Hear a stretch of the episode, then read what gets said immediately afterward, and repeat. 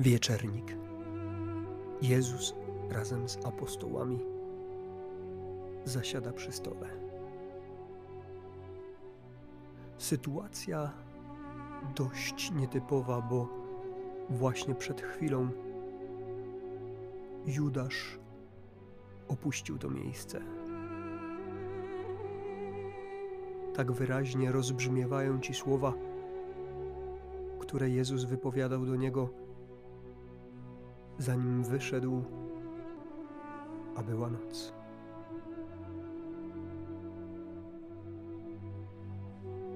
Mocno wyrył się w Twojej pamięci obraz człowieka, który w tym momencie właściwie przegrał swoje życie.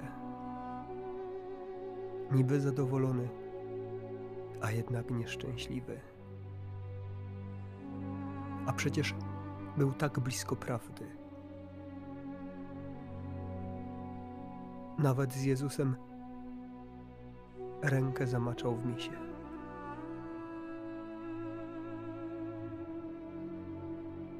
Ale atmosfera wieczernika zdaje się być w dalszym ciągu bardzo podniosła. Dostrzegasz, że apostołowie właściwie nie rozumieli, co wydarzyło się z Judaszem. Jego wyjście, a wcześniej dialog z Jezusem odebrali jakoś tak normalnie. Dopiero potem zrozumieli, że jeden z nich, ten, który był z Jezusem, którego Jezus wybrał, odchodząc, odszedł na zawsze, zdradzając Jezusa ale w dalszym ciągu wyczuwasz podniosłą, ale przenikniętą miłością atmosferę wieczernika. Masz wrażenie, jakby nie tylko apostołowie, ale i ściany zamilkły w kamiennej ciszy, słuchając z uwagą każdego słowa, każdej litery wychodzącej z ust Jezusa.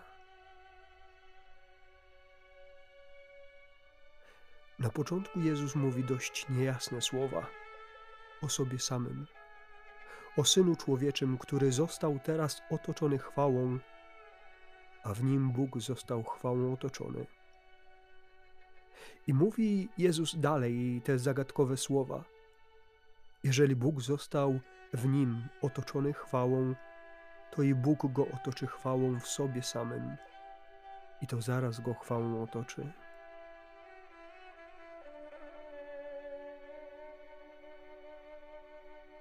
Ani ty, ani apostołowie nie potraficie do końca zrozumieć, co właściwie znaczą te słowa. W jaki sposób Jezus ma zostać otoczony chwałą? Chociaż przecież Ty wiesz lepiej od apostołów, bo masz doświadczenie, że Jezus mówi o swojej śmierci i zmartwychwstaniu. Ale jakże trudne do zrozumienia były to słowa właśnie wtedy, zanim to wszystko nastąpiło. Cisza wieczernika i przenikające słowa samego Jezusa, który z wielką troską mówi dalej. Dzieci, jeszcze krótko jestem z wami. I w tym momencie Jezus, rozglądając się po wszystkich uczniach, mówi o nowym przekazaniu, które daje. Nowe przekazanie.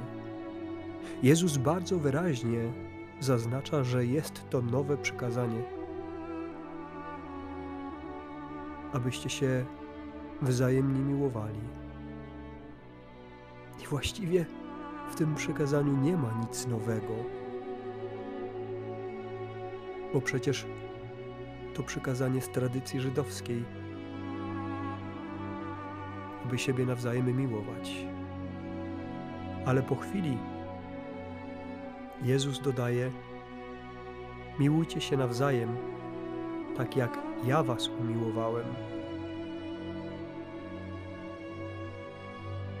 A to już jakby trochę inaczej.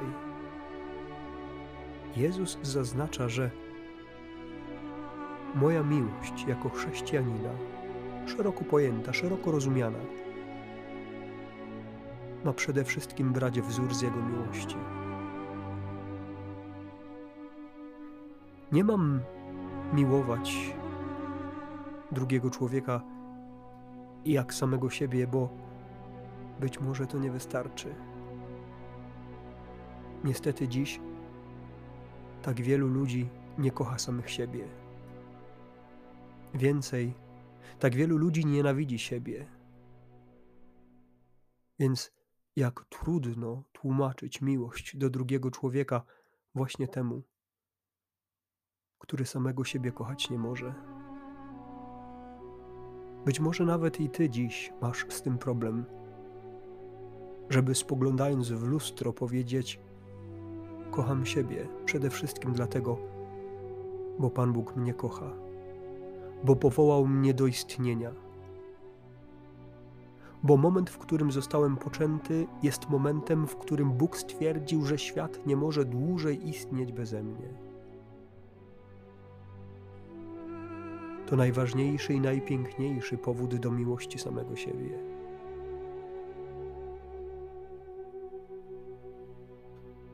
Jeżeli dziś masz z tym problem, to powiedz o tym Jezusowi. Pomódl się tak szczerze, jak tylko potrafisz, własnymi słowami. Powiedz o trudności, którą przeżywasz, o problemie w miłości samego siebie, w akceptacji samego siebie. Poproś o siłę, poproś o światło Ducha Świętego, który postawi cię w prawdzie wobec Boga i wobec samego siebie. Jakże to ważne, ale też jak potrzebne, aby w taki sposób umieć spojrzeć na siebie, w taki sposób, w jaki patrzy na mnie Bóg. Ten niepoprawny optymista patrzy na mnie z miłością nie tylko wtedy, kiedy wszystko mi się udaje, kiedy nie mam grzechu, kiedy walczę ze słabościami, ale patrzy na mnie z jeszcze większą miłością, kiedy w ten grzech upadam, bo patrzy też i z nadzieją na moje powstanie. Bóg bardziej podaje mi rękę wtedy, kiedy upadam, niż wtedy, kiedy staję mocno. Bo Jemu po prostu zależy na Tobie. Tak bardzo jak nikomu innemu na świecie, nawet osobie, która najbardziej Cię kocha. Jezus kocha bardziej. I dlatego właśnie mówi: Kochaj drugiego człowieka w taki sposób, jak ja Ciebie kocham, bezwarunkowo. To jest miłość, która jest miłością w każdym czasie. To jest miłość, która kocha tylko dlatego, że jesteś. To jest miłość, która kocha nie tylko od czasu do czasu albo w pewnej sytuacji, ale kocha zawsze. To jest miłość, która nie boi się podać Tobie ręki, kiedy jest tak bardzo ubrudzona grzechem. To jest miłość, którą stać na ofiarę. To jest miłość, która koniec końców oddała za Ciebie i za mnie swoje życie.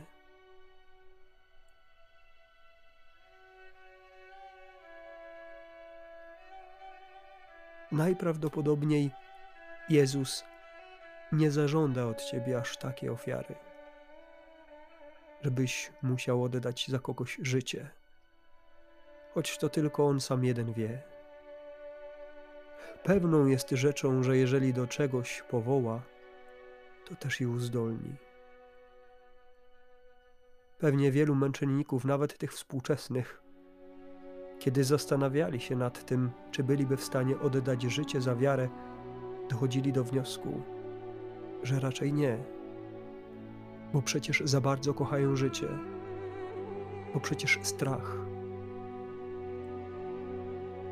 A jednak i to pewnie dzięki łasce Bożej, w tym najważniejszym momencie swojego życia, zdali z niego pozytywny egzamin. Ale bez łaski Bożej to niemożliwe. I też nie chodzi o to, żebym miał teraz się zastanawiać nad tym, jakiej ofiary Pan Bóg zażąda ode mnie. Bardziej chodzi o to, abym skupił się na tym, co jest tu i teraz. Bo Jezus mówi dalej: Po tym wszyscy poznają, że jesteście uczniami moimi, jeśli będziecie się wzajemnie miłowali. Jezus w pewnym sensie warunkuje tę moją miłość, czy raczej stygmatyzuje, że ma być ona miłością nie tylko teoretyczną, ale miłością praktyczną, widoczną na zewnątrz.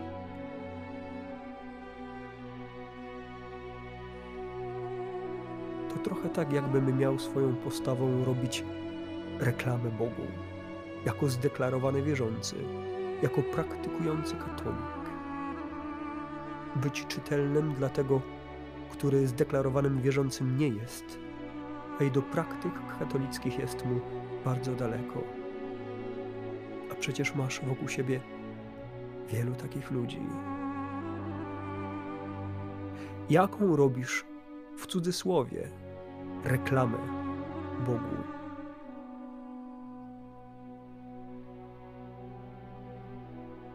Czy ten twój kolega, Twoja koleżanka, którzy wiedzą, że jesteś człowiekiem wierzącym. Potrafią to wyczytać nie tylko z Twoich słów i deklaracji, ale z Twojej postawy, chęci pomocy, szczerości.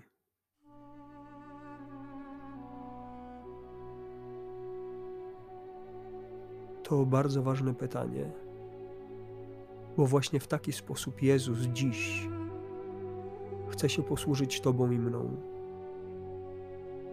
Wtedy, kiedy był z apostołami, robił to On i robili to wraz z Nim właśnie apostołowie. Dziś Jezus ma mnie i Ciebie, współczesnych apostołów, świadków, którzy swoją postawą, miłością siebie i bliźniego pokazują, kim jest dla nich Jezus.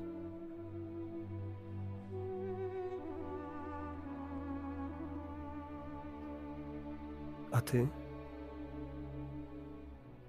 W jaki sposób przedstawisz dziś Jezusa spotkanym ludziom?